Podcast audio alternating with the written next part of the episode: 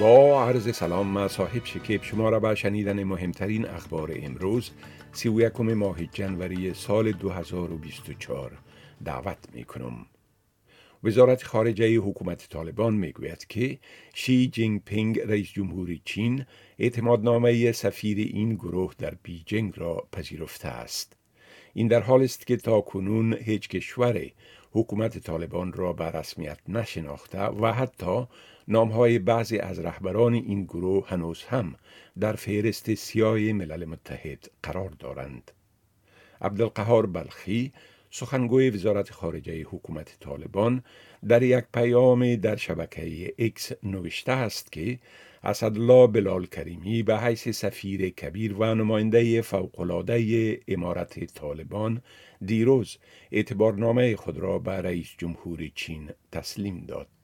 طبق یک نظرسنجی انستیتوت استرالیا که در اواخر جنوری انجام شده 58 فیصد رای دهندگان از تغییرات مالیاتی پیشنهادی در مرحله سوم کاهش مالیات جانبداری می کنند که مردم دارای درآمد متوسط و پایین از آنها سود بیشتری خواهند برد.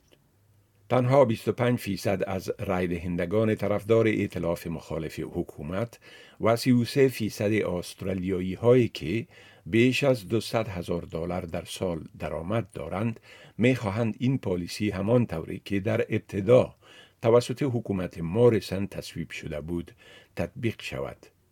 جیم چالمرز وزیر خزانه می گوید که طبق این تغییرات مقدار مالیات همه مالیه دهندگان کشور از اول ماه جولای کاهش خواهد یافت. در این حال به اساس گزارش اداره احصایه استرالیا میزان تورم با افزایش صرف 0.6 فیصد در رب چهارم سال گذشته در مجموع به 4.1 فیصد کاهش یافته است که این کمتر از مقداری است که اقتصاددانان پیش بینی می کردند. چنانچه پیشبینی اقتصاددانان برای رب آخر سال گذشته 0.8 فیصد و مقدار مجموعی سالانه 4.3 فیصد بود. گفته می شود که این کاهش در تورم احتمال افزایش بیشتر در نرخ سود از جانب بانک مرکزی استرالیا را بعید خواهد ساخت. مقامات صحت در ایالت ویکتوریا می گویند که در تقریبا شش ماه گذشته اولین حادثه ابتلا به چیچک میمون در این ایالت ثبت شده است. این مورد ابتلا به سفرها به خارج از کشور مرتبط نیست و نشان می دهد که ممکن است این ویروس در داخل ایالت سرایت کرده باشد. از افرادی که در معرض بیشترین خطر ابتلا به این بیماری قرار دارند به شمول مردان همجنسگرا و دو جنسه فعال از نظر جنسی خواسته شده تا از واکسین شدن کاملشان اطمینان حاصل کنند.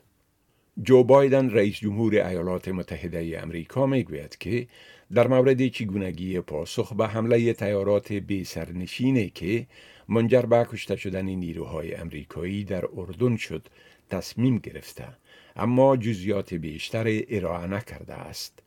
او می گوید که ایران در این حمله تیارات بدون سرنشین که باعث کشته شدن سه نظامی امریکایی و زخمی شدن سی و چار نفر دیگر شد شریک است.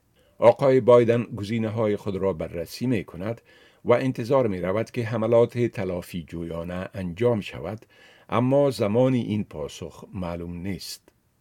خبرگزاری اسوشیتد پرس گزارش می دهد که نشانه های از پیشرفت در کوشش ها برای آتش بس میان اسرائیل و حماس دیده می شود. نمایندگان ایالات متحده امریکا، اسرائیل، قطر و مصر در روزهای اخیر به منظور دستیابی به یک توافق آتش بس شامل آزادی گروگانهای باقی مانده اسرائیلی اسیر شده در حمله هفت اکتبر حماس که منجر به جنگ شد گفتگو کرده اند. جوزف فدرمن مدیر بخش اسرائیل و سرزمین های فلسطینی خبرگزاری اسوشیتد پرس می گوید که میانجی های بین المللی چارچوب از یک توافق را به اسرائیلی ها ارائه کرده اند. این بود خلاصه از مهمترین اخبار از برنامه دری اس آدیو. شما می توانید گزارش های بیشتر درباره موضوعات گوناگون را در وبسایت ما به آدرس sbs.com.au دری بشنوید و بخوانید.